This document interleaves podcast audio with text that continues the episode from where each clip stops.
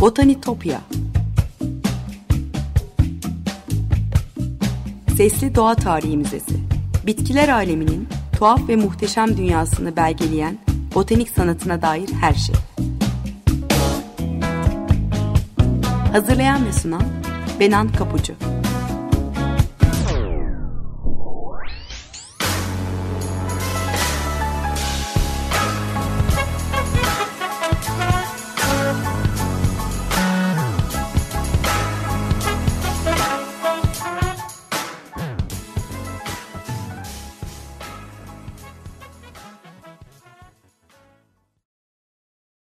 Merhaba sevgili Açık Radyo dinleyicileri. Botanitopya'ya, bitkiler aleminin tuhaf ve muhteşem dünyasına hoş geldiniz. Anlatıcınız ben Benan Kapucu botanitopya.gmail.com elektronik posta adresinden ya da aynı adlı Twitter ve Instagram hesaplarından bana her zaman ulaşabilir. Anlattığım konuyla ilgili görüşlerinizi ya da varsa katkılarınızı paylaşabilirsiniz. Ee, burada anlattığım bitki hikayelerini bazen e, görsellerle ya da linklerle sosyal medya hesaplarım üzerinden desteklemeye çalışıyorum. O yüzden takipte olursanız çok çok sevinirim. Geçmiş kayıtlara Spotify'dan Açık Radyo Podcast üzerinden ulaşabiliyorsunuz. Onu da tekrar hatırlatmak isterim.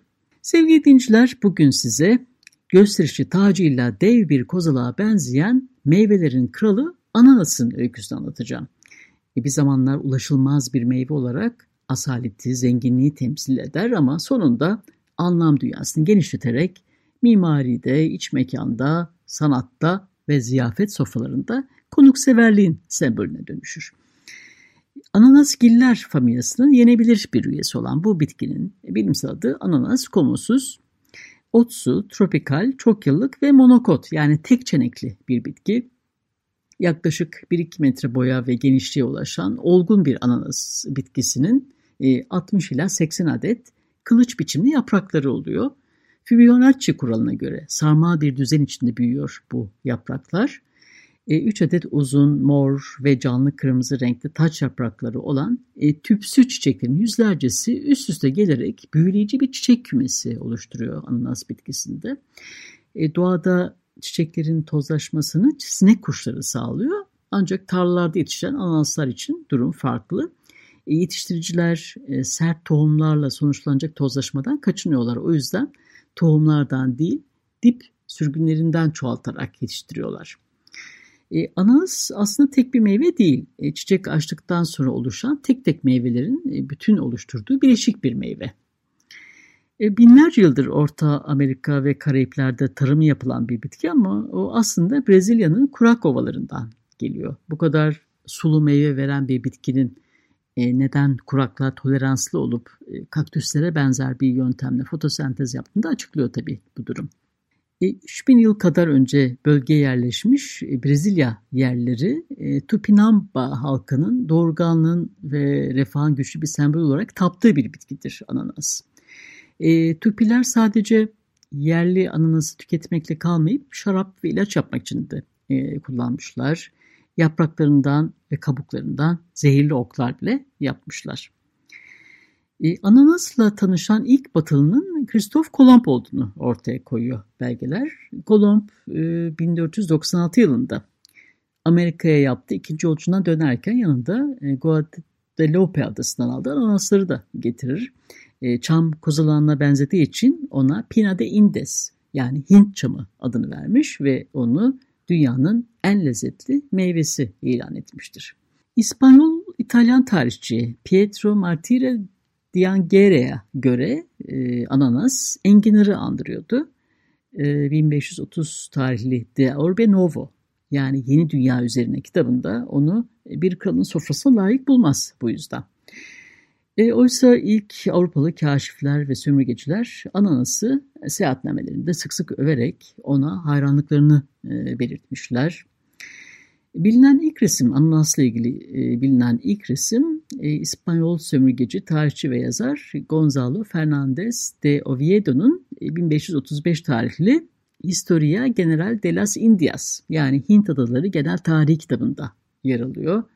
E, burada yine tüm meyvelerin prensi e, denerek kraliyetle ilişkilendirilmiş. Bu egzotik elde edilmesi inanılmaz derecede zor olan meyve e, Avrupa'ya ulaştıktan sonra bir sansasyon yaratmış. Özellikle e, seçkin ve soylu sınıf için asaletin, zenginliğin ve kusursuzluğun sembolü olur ananas. İncil'de de bu egzotik meyve atfedilen bir kötülük ya da bir yasak yoktur tabii. Ee, Avrupa'da değerli bir ürün olmasının ötesinde e, uzun yolculuklar sırasında e, C vitamini eksikliğinden dolayı iskorbüt hastalığına kapılan denizciler için de kurtarıcı olmuş. E, bu öldürücü hastalık ile beslenme yetersizliği arasındaki bağlantı henüz bilimsel olarak ortaya konmamıştır o zaman ama ananas yemenin sağlığı olan olumlu etkilerini gözlemlemişler tabii. 16. E, ve 17. yüzyıllarda e, koloniler üzerinde büyük bir e, güç, kontrol sahibi olan Portekizliler 16. yüzyılın ortadan itibaren meyveyi Afrika, Hindistan ve Asya'nın diğer bölgelerindeki kolonilerine taşımaya başlamışlar. Ananas kelimesinin kökenine bakarsak bilimsel adı ananas komosus dediğim gibi e, Tupilerde çam anlamına gelen nanas ve püsküllü anlamına gelen komosus sözcüklerinden türetilmiş. İngilizce'de çam elması anlamına gelen pineapple sözcüğü kullanılıyor. 1660'larda e, dile girmiş. Bu meyveyi çam kozalaklarına benzeten Avrupalı gezginler kullanmaya başlamış. İspanyollar da çam anlamına gelen pina adını vermişler. E, Flamanca ve Almanca da e, Tupi Guarani dillerinde olduğu gibi ananas diye geçiyor. E, biz de dilimize onlardan almış olmalıyız. E, ananasın ilk botanik tanımı Charles Plumier'e ait.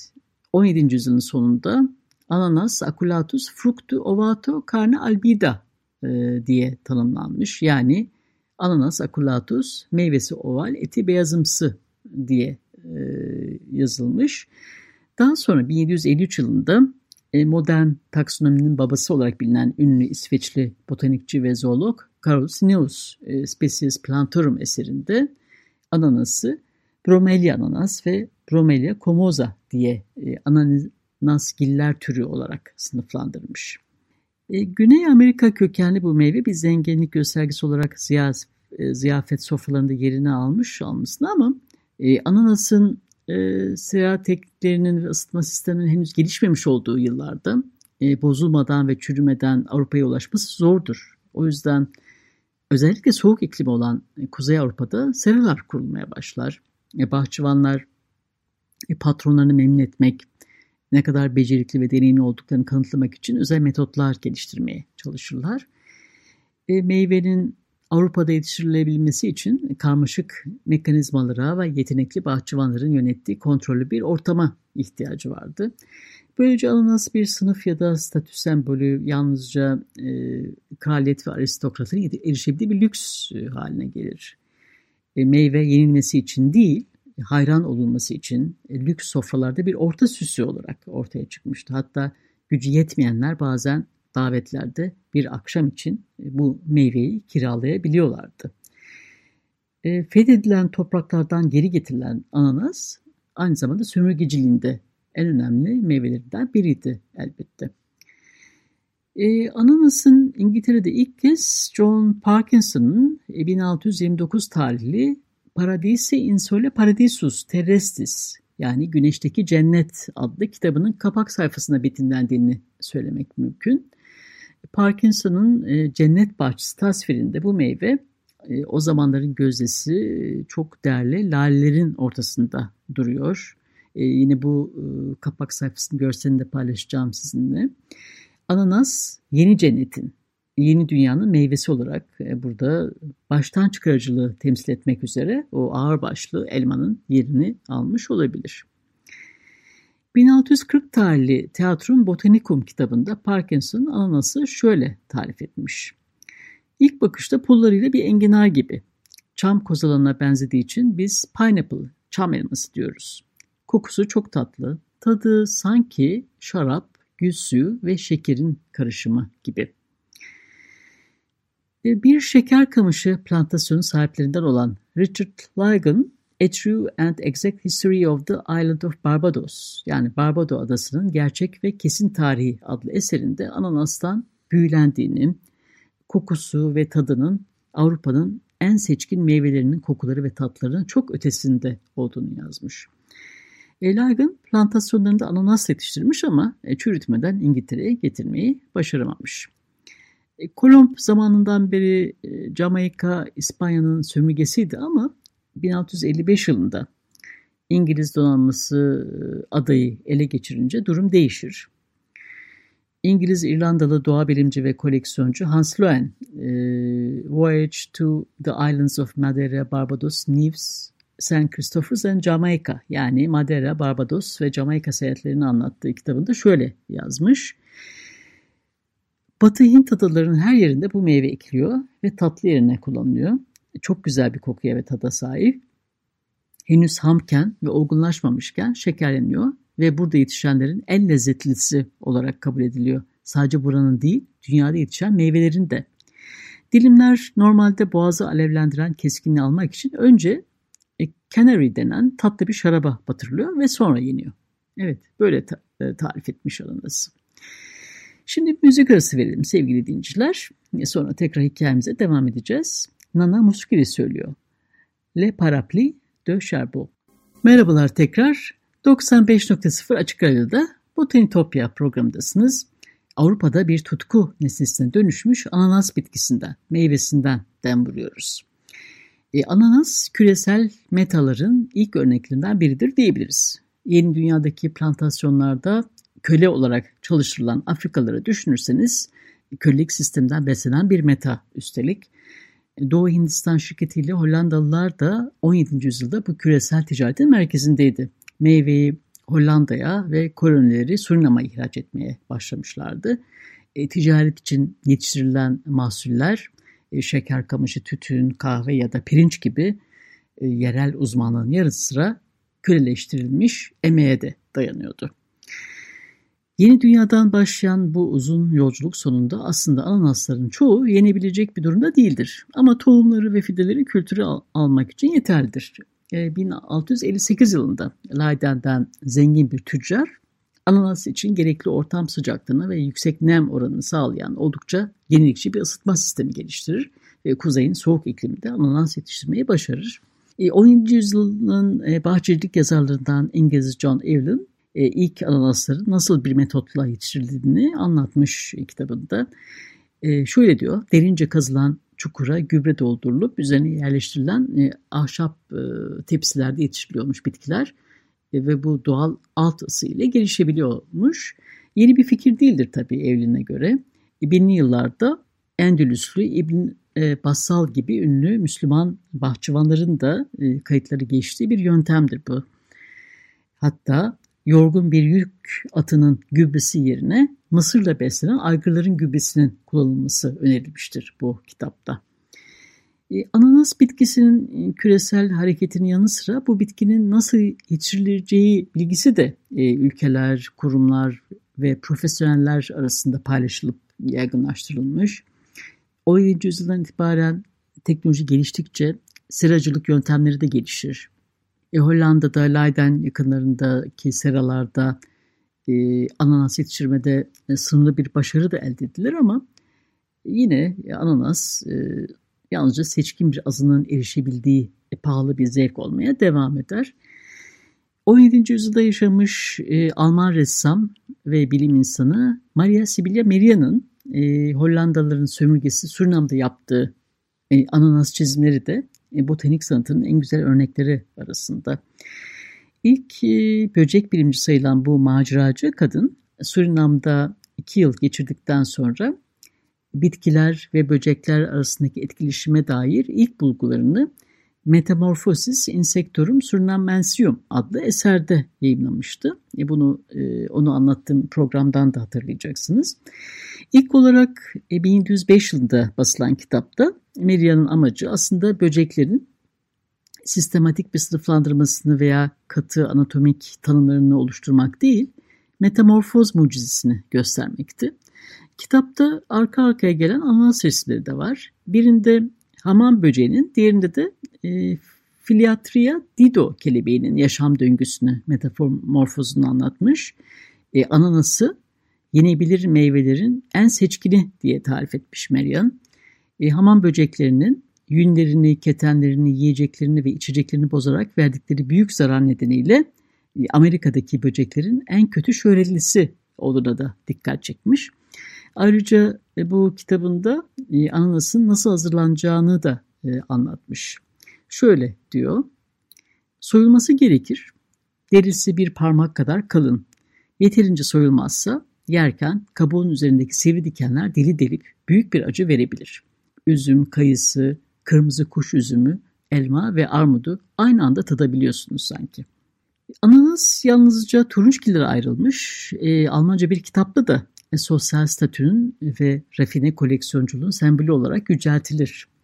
Johann Christoph Volkamer'in Nürnbergische Hesperides yani Nürnberg'deki Hesperitlerin Bahçesi kitabında yazarın Rüya Bahçesi, Gostenhof ve onun e, Portakal Bahçesi'ni anlatan düsel resimler vardır bu kitapta. E, Hesperides'in bahçesi Hera'nın altın elmalarının büyüdüğü, e, Hesperitlerin koruduğu efsanevi bahçedir aslında mitolojide.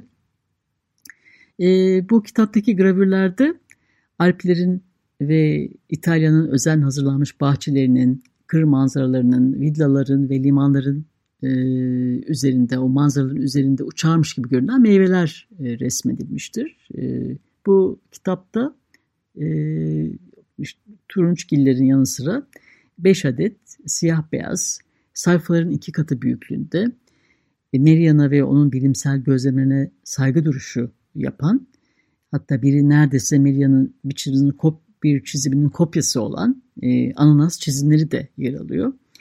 E, ananasın yabancı ülkelerden ithal edildiğine gönderme yapan e, yaratıcı levhalardan birinde ortasından kesilmiş bir ananas yelkenlerle dolu bir liman sahnesiyle birlikte resmedilmiş.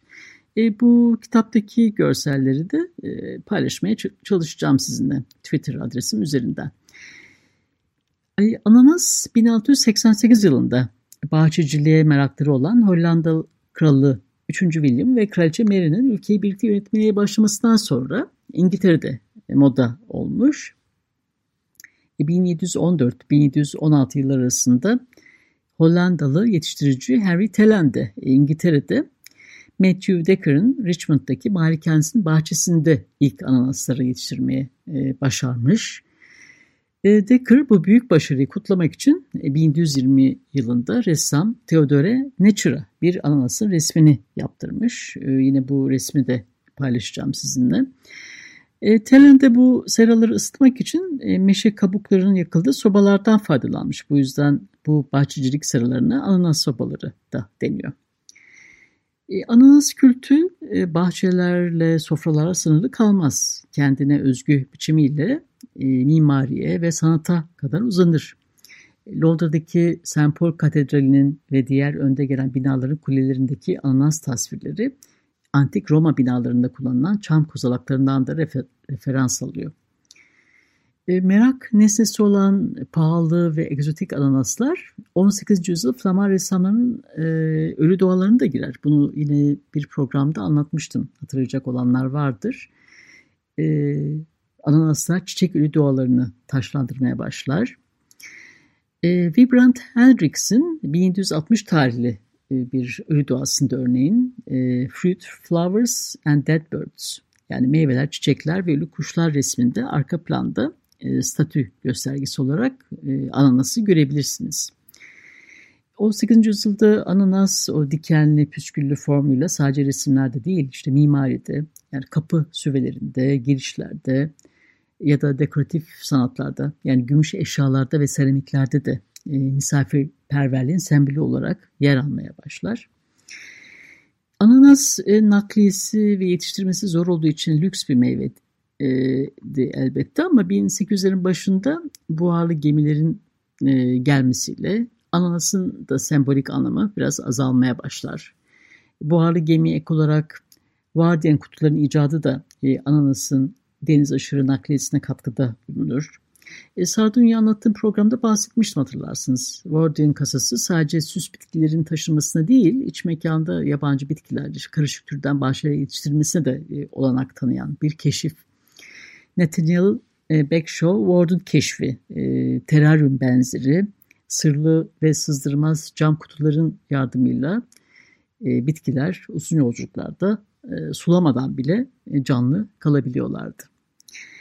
E, 19. yüzyılda e, peyzajlı bahçelerin gelişmesi, sanayileşmenin yükselişi ve tarımın gelişmesiyle birlikte Victoria döneminin üç başarısı ananas yetiştiricini de kökten değiştirir.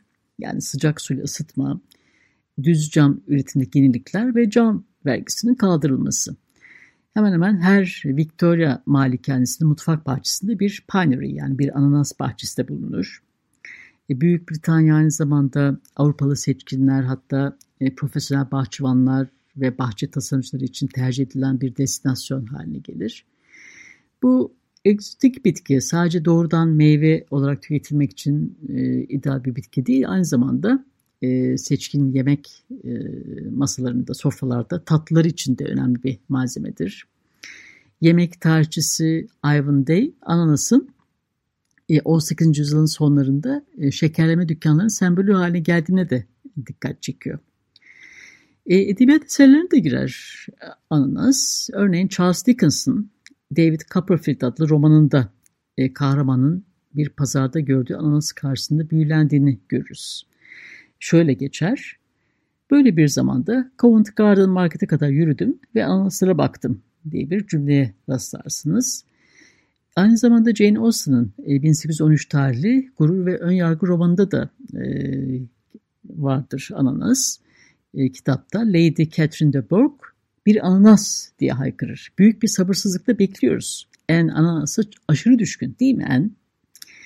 E, ananas akşam yemeği partisi için kiralanmıştı. Masada orta süsü olduktan sonra ertesi gün manava iade edilecekti e, ananasın tanesi bir güne tutuyordu ve bir tane yemeği bile kesinlikle göze alamazlardı. Evet sevgili dinciler, meyvelerin kralı ananasın hikayesi de böyle anlatacak daha çok şey var ama burada bırakalım. E, bir zamanlar sadece saray sofralarında bulunan hatta sırf gösteriş olsun diye kiralanan bu meyveye artık daha farklı bir gözle bakacağınızdan eminim. E, Brezilya'nın kalbinden gelen bu bitkiyi bugün biz de Mersin'de, Anamur'da, Antalya'da yetiştiriyor ulaşabilirsek de meyvesini tüketiyoruz. Botanitopya'daki keşif yolcumuz bu hafta da buraya kadar. Programı kapatırken e, Botanitopya adlı Twitter ve Instagram hesaplarımı tekrar hatırlatmak isterim. Takip olursanız çok sevinirim. Program destekçilerime gönülden teşekkürlerimi de iletiyorum. Bir daha görüşünceye dek sevgiyle ve duayla kalın.